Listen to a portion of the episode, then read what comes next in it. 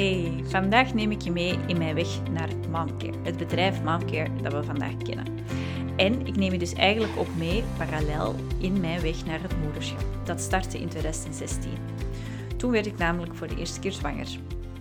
Het is altijd makkelijk om achteraf te zeggen dit of dat, maar als ik er nu op terugkijk, is er maar één ding dat ik kan bedenken en dat is little did I know. Echt waar, ik stopte toen met de pil en ik dacht dat ik op elk moment van de maand tijdens mijn cyclus zwanger kon worden. Ondertussen weet ik wel beter, maar de vrouwenwijsheid was toen heel ver te zoeken. Deze week had ik mijn laatste sessie met Human Design Coach Soetkin van Your Path Coach.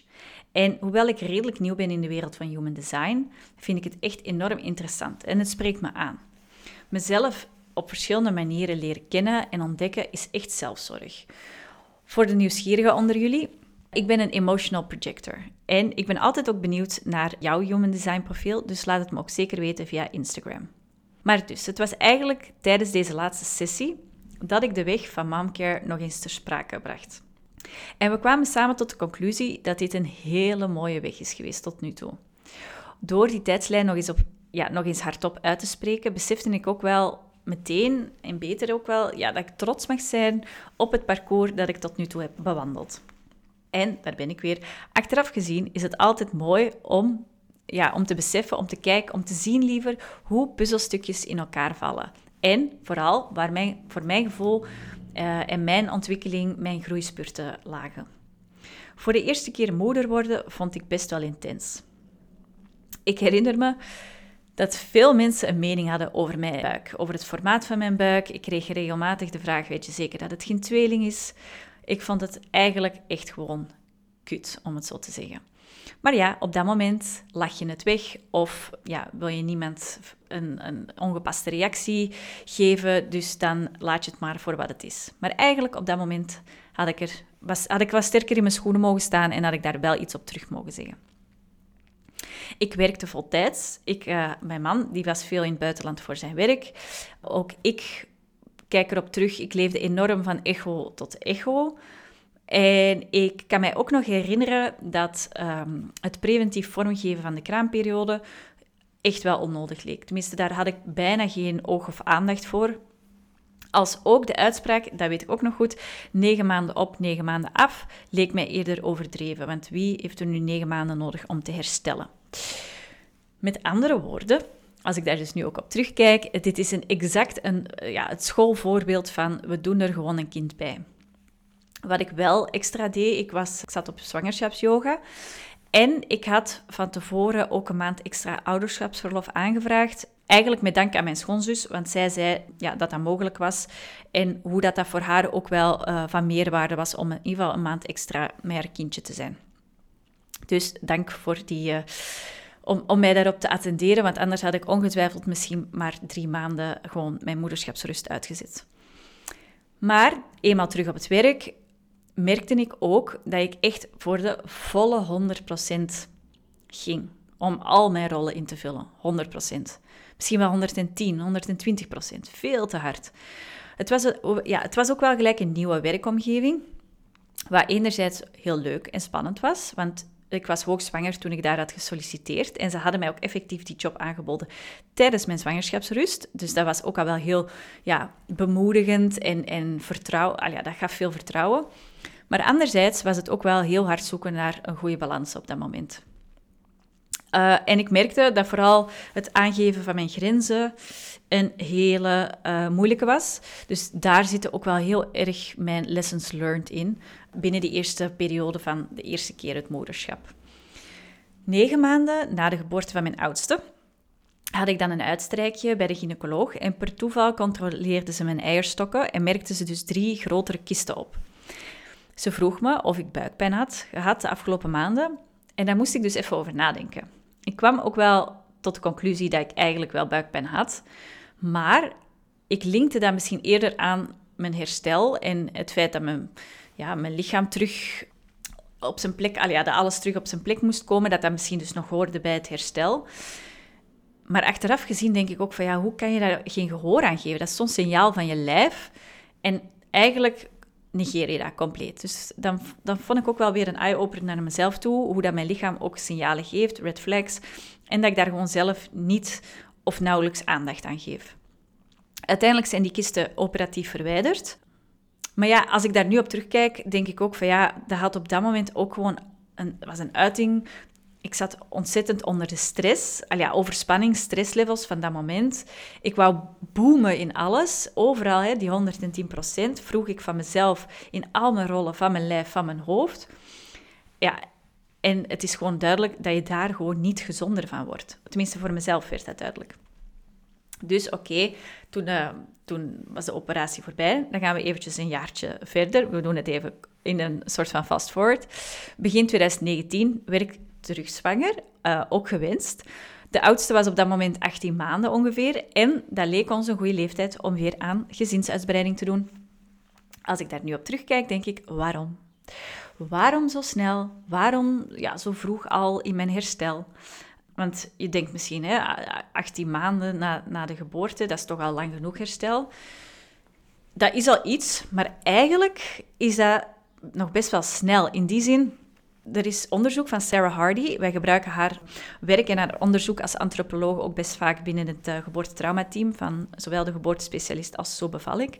Blijkt dat vrouwen eigenlijk tussen de vier en de zes jaar nodig hebben om een kind te groeien, te voeden, op te voeden en ook zelf te herstellen, zowel fysiek als mentaal. En natuurlijk is dit een individuele keuze, maar eigenlijk als ik erover nadenk, wordt die keuze ook best wel beïnvloed door onze omgeving. Want we zien het misschien in, uh, in onze sociale kring, andere mensen die best wel snel op elkaar, broers en zussen, ja, maken, daarvoor kiezen om hè, dicht bij elkaar kinderen te krijgen. Ofwel zijn ze dan sneller samen uit de pampers, ofwel, dat is leuk voor later, dan hebben ze ook iets aan elkaar. En ik moet eerlijk zeggen, ik begrijp al die zaken, want ik redeneerde uiteindelijk ook zelf zo. Maar nu vraag ik me eigenlijk eerder af, wordt er wel genoeg gekeken, afgevraagd, of dit qua gezondheid en ook als investering wel de beste keuze is voor de moeder, voor de vrouw. En met investering bedoel ik dus de periode die jij als vrouw vrijmaakt, qua tijd, maar qua, ook qua lichaam, qua rollen, qua energie, qua alles. Een hele brede noemer mag je dat zien, die investering. Want uiteindelijk qua tijd reken gerust minimaal twee jaar qua investering om jullie kinderwens te vervullen. En die twee jaar, dat is dan enkel eigenlijk nog maar uh, de periode van zwangerschap en een periode na de geboorte. Want de periode voor zwangerschap, dus voor conceptie, die periode van kinderwens, of bijvoorbeeld er is een heel fertiliteitstraject, dat zit daar dan nog niet eens bij. Dus het kan echt ook veel langer duren, die tijd die jij als vrouw vrijmaakt om ja, die kinderwens te vervullen. Ik besprak dit ook onlangs op mijn webinar over moeder worden en de verwachtingen van de maatschappij. En enkele thema's daarvan zijn zo, die zijn zo up-to-date, die zijn zo ja, van, nu, dat ik ook heb besloten om daar apart een uh, podcastaflevering van te maken, omdat er gewoon genoeg te zeggen valt over bepaalde thema's, over we doen er gewoon een kind bij, over de investering die je als vrouw maakt, over hoe dat, uh, de rollen veranderen, ehm, wat de rol ook van je partner daarin is, wat zijn aandeel in heel ja, het, het maken van het kindje is. En dat gaat niet alleen over de zaadcellen, maar dat gaat over veel meer. Maar dat is dus ook voor een andere keer. Maar Sarah Hardy heeft het dus over die vier tot zes jaar. En daarbij las ik ook laatst in een boek van Ina Heine dat het integreren van het ouderschap in je leven tussen de 18 maanden en de zes ja, zes jaar kan duren. Dus dan vraag ik mezelf ook weer af, als we dat preventief beter kunnen inschatten, als we daar van tevoren bewust ouderschap, die preconceptiefase, kunnen beseffen dat het misschien wel minstens 18 maanden kan duren voordat we het idee hebben van oké, dit is leuk ouderschap of nu voel ik mij beter of dit is een rol die ik kan uh, vervullen volgens mijn mijn grenzen, volgens mijn wensen. Dit is een beschikbaarheid die ik kan, um, ja, op lange termijn kan, kan genereren. Ik bedoel, duurzaam, waar ik ook voor mezelf duurzaam in kan zijn. Zouden we dan ook niet allemaal wat milder voor ons zijn binnen die eerste ja, dagen, weken, maanden, maar zelfs jaren? Ik denk dat ik dat voor mezelf wel graag had geweten. In die zin, misschien dat ik het ook nog niet met één keer te horen meteen had beseft van wow, dat gaat zo lang duren. Maar af en toe dat horen in het proces van, het zijn maar fases, in het proces van dit is echt bikkelhard, de oververmoeidheid slaat toe, de eenzaamheid, ehm, weet ik veel, het kan van alles zijn. Soms is het wel gewoon fijn om te weten dat die periode, 18 maanden, ja, dat dat dus heel normaal is voordat je je goed voelt in je rol in het moederschap, in het ouderschap, voor jullie allebei natuurlijk. Maar ik merkte ook wel een soort van revelatie bij ons tweede zoontje, toen dat hij eigenlijk rond de 18 maanden was, voelde ik een soort van rust, een soort van verlichting. En ik had op dat moment deze, deze cijfers nog niet gelezen of niet gezien. Maar ik kom, ik kon mij daarna er wel echt op, op, ehm, op, op vinden. Allee, ik kon me er echt in vinden omdat het een soort van, ja, die, een rust in het gezin, een soort van voorspelbaarheid creëerde. Ook voor mezelf een beetje mogelijkheid om het een stukje los te laten, weer een stukje het, het, gezin los te laten of een stukje voor mezelf op te pakken, tijd daarin op te pakken. Ik weet het niet, maar het, het voelde als een soort van verlichting. En ja, daarom dat ik dat destijds ook deelde op mijn Instagram, daar kwamen ook best wel veel reacties op. Dus ik ben ook benieuwd hoe dit voor jou is of was. Laat me zeker weten, ook via DM. Merkte je dat ook op 18 maanden? Of verbaast het je dat het zo lang kan duren? Hoe, in hoeverre zou jij milder zijn voor jezelf, hè, nu je dit weet? Daar, eh, daar ben ik echt wel nieuwsgierig naar. Dus stuur me dat gerust via, via Instagram.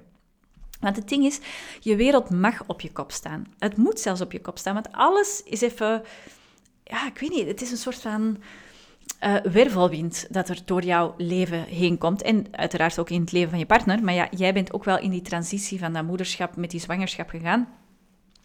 Dus er voor jou staat er al veel meer op, op in een vroegere fase ja, wankel of, of in het onbekende. Um, en, en het mag dus echt wel op zijn kop staan. En je mag jezelf verliezen en je mag jezelf terugvinden. Sterker zelf, je moet jezelf terugvinden.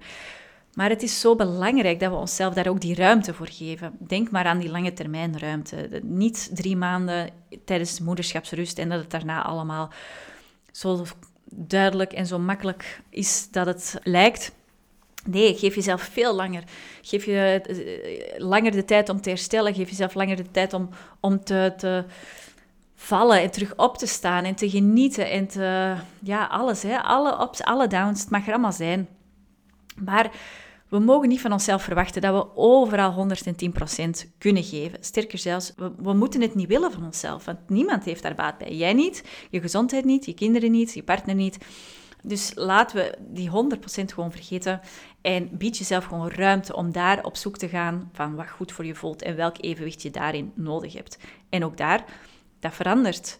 Fases veranderen, behoeften veranderen. Dus laat het gewoon een soort van balancerende, ja, ik weet niet, weegschaal zijn. Iets wat voor jou goed voelt. Een, een, een termijn waarbinnen jij gewoon mag ontdekken en onderzoeken wat nodig is, wat fijn is, wat goed voelt. Maar dit even als een kleine side note. Dus we waren in 2019 en mijn tweede zwangerschap verliep, verliep goed. Maar ik merkte ook al snel dat er veel minder rust was, omdat ik natuurlijk hier al een gezin had. Een gezin dat draaiende gehouden moest worden. Ik werkte toen ook nog uh, gewoon voltijds. Ik kon bepaalde dingen wel wat rustiger aandoen. Maar ik merkte wel op dat er gewoon beduidend minder aandacht was voor mezelf en mijn kindje dat in mij groeide. Ook besef ik dat bijvoorbeeld zoiets als de zwangerschapsyoga, wat in mijn eerste zwangerschap heel, mij heel veel deugd had gedaan, ook dat kwam er niet meer van.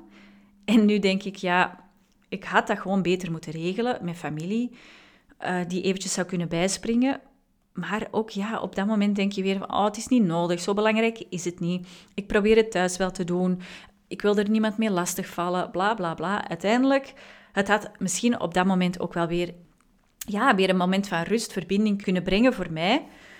Dus op dat moment, nu besef ik ook wel weer dat ik daar ja, een beetje streng, te streng in ben geweest. Uh, ik had dat gewoon moeten vragen die, die staan uiteraard gewoon te springen om te helpen. Dus dat, zijn, dat, dat is zonde. Maar ja, dat, dat hoort bij mijn proces, hè, sowieso. Maar nu denk ik echt van, oh, dat had je niet moeten doen, Nadine. En uiteindelijk, het was de dag voor de uitgerekende datum, dat ik in de auto zat en dat ik mij bedacht dat ik dus graag iets zou willen betekenen, iets zou willen, willen opzetten voor millennials. En ik wist totaal nog niet hoe of wat, Ik bedacht me alleen, ik wil iets voor hem betekenen, maar ik kan toch niet nu op dit moment opeens nog een opleiding psychologie er gaan bij doen en mijn leven volledig omgooien. Dat was zo'n gedachte en dat herinner ik mij nog heel goed. Maar het was eigenlijk pas na Noah's geboorte en tijdens de kraamperiode dat er weer wat puzzelstukjes duidelijker werden. Zo ontstond dus ook mijn tijdelijke naam, Project Sofa. En het was een project dat ik op dat moment zag als iets dat ik kon uitwerken in bijberoep. Want ik was immers gewoon van plan om terug te keren als brandmanager naar mijn ouderschapsrust. Ik had trouwens voor de tweede uh, kraamperiode twee maanden ouderschapsverlof bijgenomen. Met, ja, bewust, omdat ik, heel, omdat ik het heel fijn vond om langer thuis te kunnen zijn met pasgeboren baby. Anderzijds vond ik het ook fijn om wat tijd voor mezelf in te calculeren. Dus vanaf uh, maand vier kon uh, Noatje rustig opstarten in de crash. En had ik dus ook voor mezelf quality time met mezelf, maar ook met Sander, om tijd om in te plannen vooraleer ik weer uh, aan het werk zou gaan. Maar dan, dan kwam de eerste lockdown in 2020. En het is ver van de bedoeling om hier nog meer woorden aan vuil te maken dan nodig, want voor iedereen is, deze, ja, is dat hele jaar in, in heel die periode tekenend geweest, of heeft wel gewoon een, een bepaalde ervaring daaraan gelinkt. Maar het is voor mij wel een belangrijke periode richting momcare, dus vandaar dat ik het eventjes vermeld. Enerzijds vond ik dit best wel een intense periode om als mama vorm te geven. Enerzijds met een baby van vijf maanden, anderzijds met een kleutertje die net een maand naar school is geweest. En de lessen die ik hierin heb geleerd zijn ook vooral het beschikbaar zijn voor anderen, het constant aanstaan, ja, weinig beschikbaarheid voor mezelf. Achteraf gezien zie ik dit ook wel echt als een spoedcursus in mijn moederschap en ik ben daar ook wel blij om.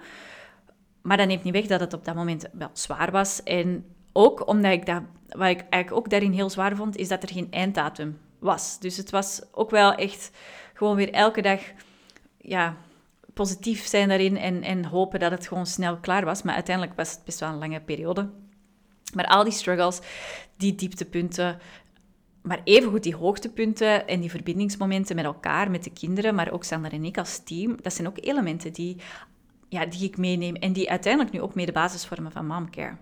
Maar toen was het nog niet Momcare, toen was het nog Project Sofa. Want ik bedacht me, ik zou zo graag een plek willen bieden, een omgeving willen creëren waar er ruimte is. Gewoon een ruimte eigenlijk met een mega comfortabele zetel, waar een mama even kan rusten, kan zitten, kan liggen, kan mijmeren, kan schreeuwen, kan huilen, kan zingen, kan dansen, whatever. Wat zij nodig heeft. Wat zij voelt dat ze nodig heeft. Want ik kon eigenlijk ook wel zo'n plek gebruiken. En ik merkte ook bij mezelf, en ik denk dat heel veel andere mama's dat ook hebben, of ooit wel eens hebben gehad, dat het. Ik vond dat bijzonder hoe je toch bepaalde schuldgevoelens kan ervaren, of een soort van verantwoording lijkt te moeten afleggen om even iets te doen voor jezelf. En ik bedacht me dat het eigenlijk ja, op een of andere manier wel oké was om iets te doen voor jezelf als je bijvoorbeeld naar een psycholoog of een therapeut eh, zou gaan, ehm, alsof dat een legitieme reden is. Maar ja, alles, alle andere zaken zijn dan opeens, ja, ik weet het niet, zo... Dan moet je dan precies zo verantwoording van waarom pak je die tijd voor jezelf. En natuurlijk, daar, daar zitten heel veel elementen onder. Vaak is het ook iets dat wij als vrouw of als moeder denken dat de ander die mening heeft of dat, dat, dat, ze dat, dat ze dat denken, dat we daarom die verantwoording moeten afleggen. Ook omdat we bepaalde verantwoordelijkheden naar ons toe trekken, terwijl dat, dat natuurlijk binnen het moederschap ook niet altijd hoeft. Um, dus daar zitten ook weer elementen dingen, uh, onder. Maar het is voor mij vooral het gevoel van, je hoeft toch niet aan iemand uit te leggen waar je naartoe gaat, als je dat niet wilt. In die zin, ja, je, die, die verantwoording. Ik, ik, ik voelde dat daar gewoon iets niet klopte. Dus ik droomde van het idee, gewoon een plek waar moeders mogen zijn. Zonder dat ze mij hoeven te vertellen wat er is of wat, dat ze, ja, wat dat er allemaal speelt. Zij mochten er zijn. Maar ja, ik droomde van het idee, maar ik wist alleen nog niet hoe of in hoeverre dit haalbaar zou zijn. Want het concept is leuk en het concept tot daar aan toe. Maar het verwezenlijken van, idee, van een idee, ja, daar moet ook wel voldoende fundament voor zijn. Dus ik zag het eerder voor iets op de lange termijn in bijberoep. Maar uiteindelijk, redelijk onverwachts, werd ik in mei 2020 ontslagen vanwege reorganisatie. En natuurlijk, op dat moment vond ik dat echt wel een bittere pil. Maar snel daarna kon ik, voelde ik ook wel de opportuniteit daaruit. Zag ik daar ook wel die opportuniteit.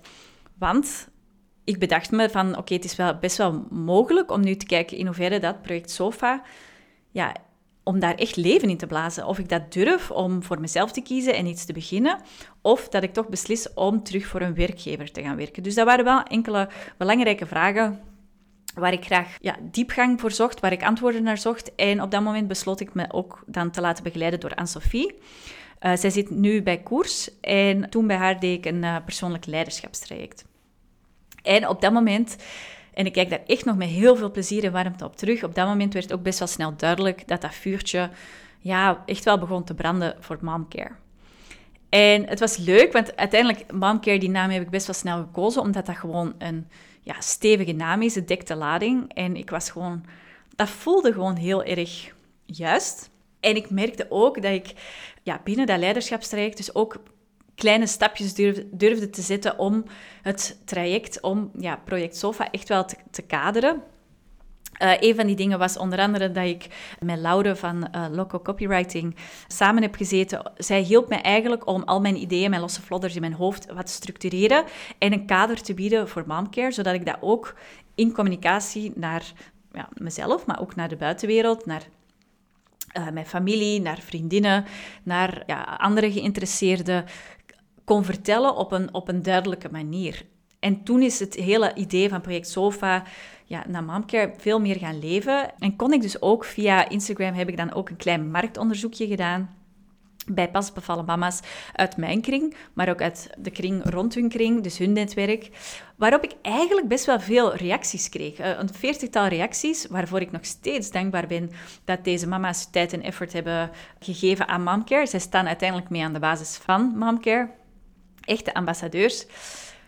Maar vanuit dat mini-onderzoekje voelde ik wel dat er bepaalde zorg ontbrak in hun ervaringen en merkte ik ook vooral op hoe verschillend elke geboorteervaring was.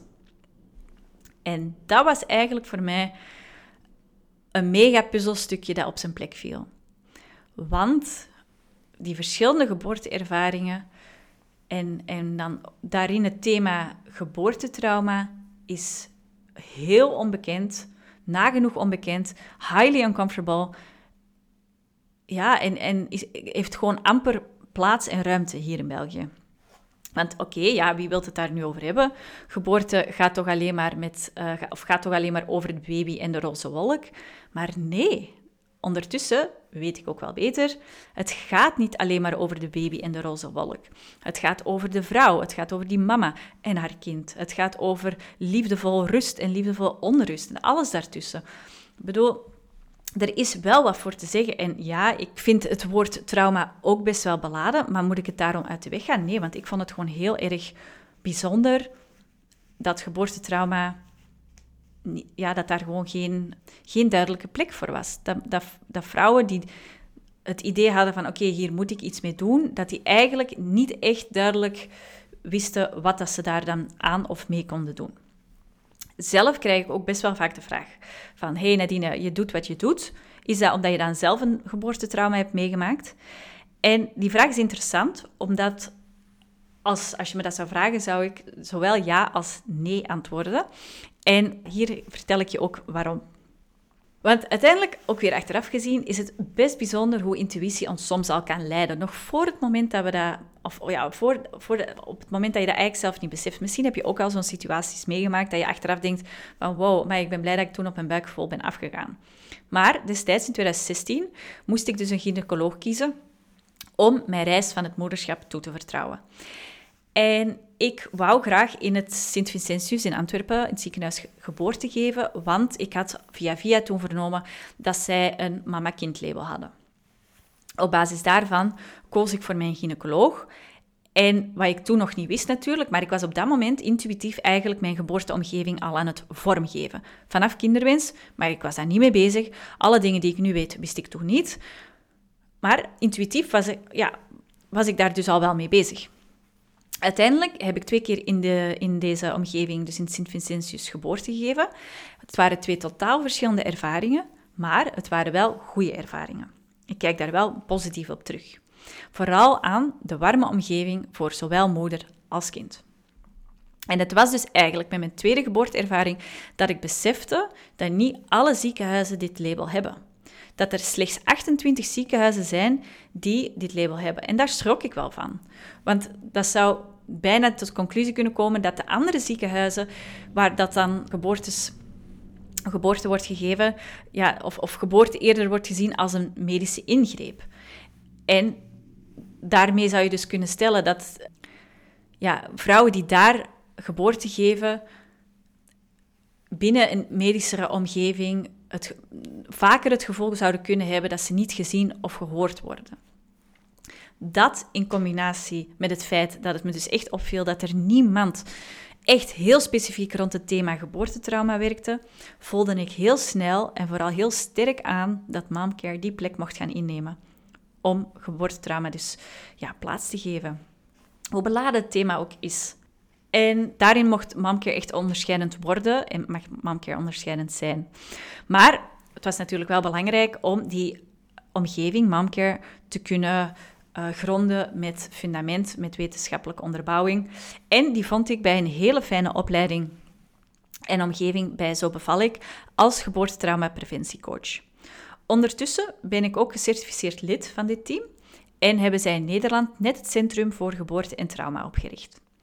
In België ben ik vooralsnog de eerste en de enigste geboortetrauma-preventiecoach. En de focus vanuit preventie ligt op trauma-informed en het versterken van je emotionele gezondheid. Veel geboortecursussen leggen namelijk de nadruk op het belang van kennis en informatie. Als preventiecoach zeggen wij: wees trauma-informed, dus wees bewust van wat je kan schaden. En realiseer je verder vooral dat de innerlijke reis, het bewustzijn in jezelf, je lijf en je baby fundamenteel is.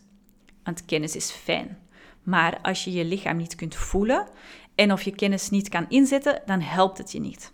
Dat is waar momcare onderscheidend is. We geven geen informatie en we behoeden je niet. Het is jouw reis om te maken, maar we zijn er wel om je te ondersteunen en te bekrachtigen. En het was uiteindelijk na het afronden van deze opleiding dat Momcare officieel werd geboren, begin 2021. En sindsdien zijn de deuren geopend en sindsdien speelt de SOFA nog altijd een hele, hele belangrijke rol. Maar geboortetrauma, preventie, oké. Het bleef niet alleen bij die ene opleiding. Want ik wou er ook voor die mama's zijn die effectief dus een nare geboorteervaring hebben gehad. Of zelfs nog altijd na x aantal jaar een geboortetrauma echt ervaren. Momcare mocht echt de safe haven worden voor al deze mama's. Tot eind 2021 studeerde ik dan nog bij bij de geboortespecialist. En op dit moment zet ik dan ook haar wetenschappelijk bewezen methode in om moeders te helpen herstellen van een geboortetrauma. Het is een effectieve omgevingstherapie waar het moederprogramma alsnog afgespeeld kan worden, zonder dat het trauma telkens opnieuw herbeleefd hoeft te worden.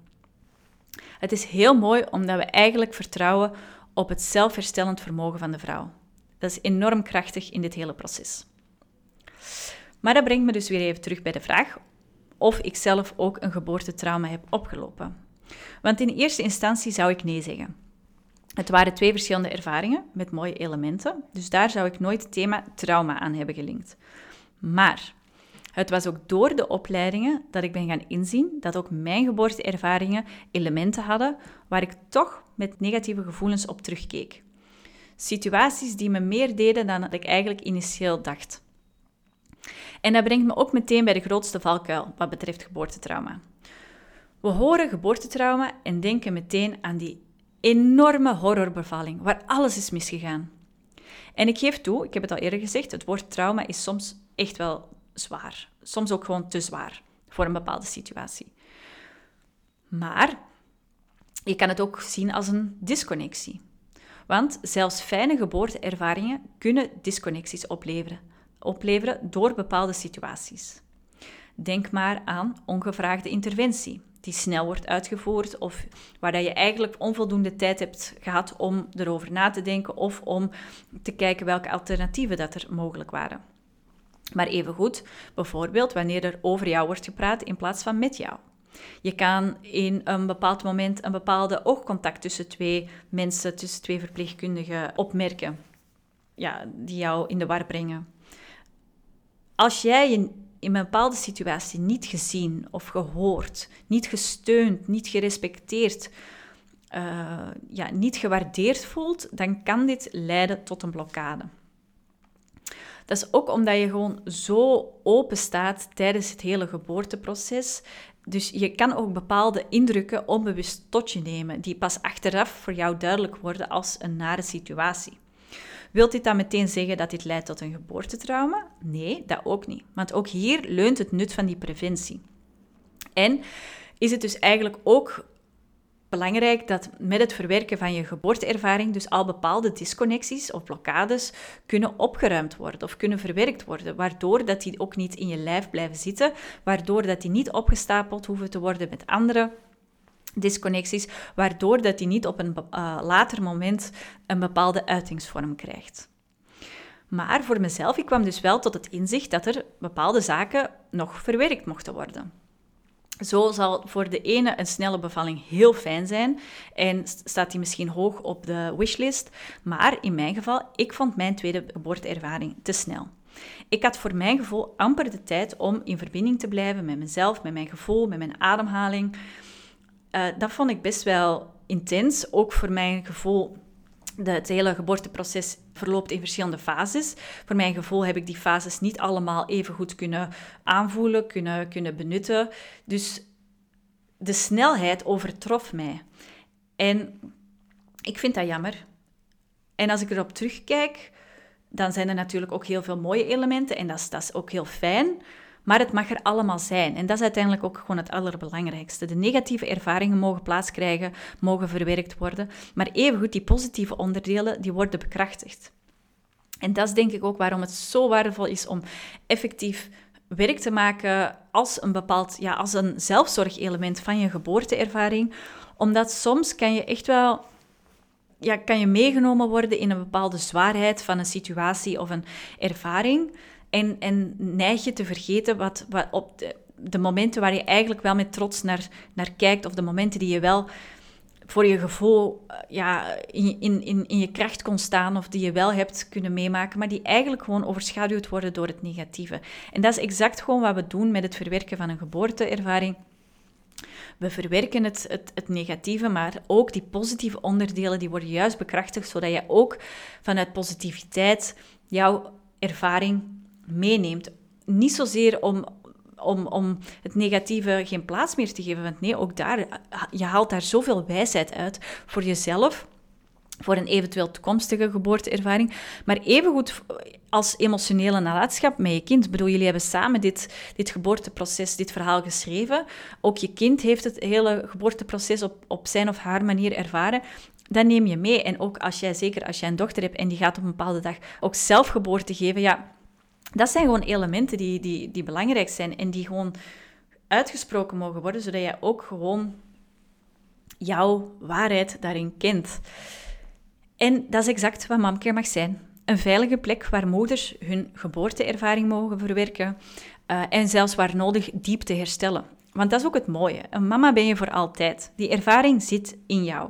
De geboorteervaringen die jij meemaakt of hebt meegemaakt, maken jou de vrouw die jij bent vandaag. En dat begint al met je eigen geboorte, maar dat heeft, ja, de, geboortes, de geboortes die jij geeft van je kinderen, die vormen jou ook. Die vormen jouw herstelperiode mee. Die vormen jou hoe jij je kinderen opvoedt, jouw moederschap, maar ook hoe jij, ja, hoe jij bent, hoe jij uh, omgaat met jezelf, de zelfliefde die je hebt, uh, in, in contact met je partner.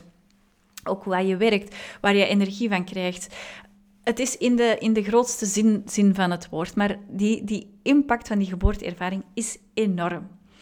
En Daarom dat het ook belangrijk is dus om te weten dat geboortetrauma, zelfs als het al vijf jaar geleden is, of tien jaar geleden, of zelfs vijftig jaar geleden, als jij vandaag op dagdagelijkse eh, basis gezondheidsklachten ervaart, die je nog altijd kan teruglinken naar de periode rondom de geboorte van een van je kinderen, dan is dat eigenlijk al genoeg om aan de slag te gaan. Dus denk je misschien, oh, ik voel mij wel aangesproken, of ik denk eigenlijk dat er misschien nog wel het een en ander te verwerken is. Twijfel je misschien of dit type zorg voor jou ehm, nodig is? Stuur me gewoon een DM op Instagram. Kom in contact of zelfs uh, rechtstreeks boek een online kennismaking in via de show notes. Het is zo belangrijk om jouw verhaal uh, gehoord te worden in jouw verhaal en in jouw ervaring. En ik, ik durf bijna te zeggen dat iedereen een verwerking nodig heeft van de geboorteervaring. Dus wat dat betreft uh, hoop ik echt dat het, uh, dat het jou ook mag inspireren om, om daar ook iets mee, mee te doen. Maar weet in ieder geval dat Momcare ook echt ja, open staat, al is het maar voor een, voor een online kennismaking, om te kijken wat, wat, welke zorg jij nodig hebt. En dat die weg eigenlijk naar Momcare supersnel gevonden kan worden. Het lange termijn zorgtraject, want enerzijds het, het verwerken van je geboorteervaring, dat is eerder een kort termijn zorgpakket van zestal weken. Het lange termijn zorgtraject, Circle of Care, is echt een combinatie van preventie en herstel. En daar ook zie ik, Momcare is zeer onderscheidend, anders dan andere geboortecursussen, omdat het gewoon een heel ander soort ja, zorg is. Het is lange termijn zorg, het is echt een deep dive. En omdat het dus een combinatie is van zowel preventie als herstel, maakt dat het ook al naar gelang jouw fase of situatie heel specifiek inzetbaar is op jouw noden. En het is een traject van 12 maanden. 12 maanden lang staat Momcare aan je zijde tijdens die mooie innerlijke reis, tijdens je soul trip, via Laborland richting motherhood. Ik bedoel, het is best wel intens, maar het is zo mooi om jouw geboorteomgeving zelf te creëren. Sterker zelfs, het is heel belangrijk. Ook daar ga ik op een ander uh, moment dieper op in. Maar denk je, dit lijkt me wel iets. Ik denk dat ik Momcare echt nodig heb om ja, mezelf echt next level te leren aanvoelen, te leren zien, mijn moederschap vorm te geven. Het kan allemaal, het hoort er allemaal bij. Lijkt je dat iets, dan nodig ik ook van harte uit om die deep dive van het traject verder te lezen, wat het je allemaal mag opleveren via de link in mijn show notes. En dan kan ik eigenlijk alleen maar concluderen, als je er nog bent, vind ik het heel leuk dat je tot hier hebt geluisterd, dat mijn weg naar Momcare leerrijk was en inspirerend, zoals het moederschap, met vallen en opstaan. Niet wetende waar we morgen gaan staan, maar wel met heel veel ja, intuïtiviteit, is dat woord? Vanuit intuïtie liever, inspiratie, creativiteit, drive. Ik ben ontzettend benieuwd wat het gewoon allemaal nog gaat brengen. En ik vind het vooral benieuwd de mama's die ik hier kan mee ondersteunen, mag begeleiden, die op mijn pad komen, de community die ik hiermee kan creëren, een bepaalde momcare movement dat ik mag opzetten. Ik weet het niet, ik uh, droom gewoon groots.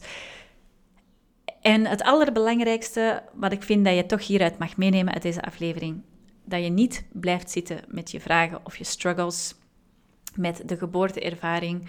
Het is zoals het is, of mijn kind is toch gezond. Nee, er is echt een veilige plek om naartoe te gaan. En dat is Momcare, de sofa van Momcare. En zelfs online is Momcare heel snel te vinden. Via Instagram, momcare.be. Een DM, laat het me weten. Ik hoor je graag en I hope to see you there. Dankjewel. Bye.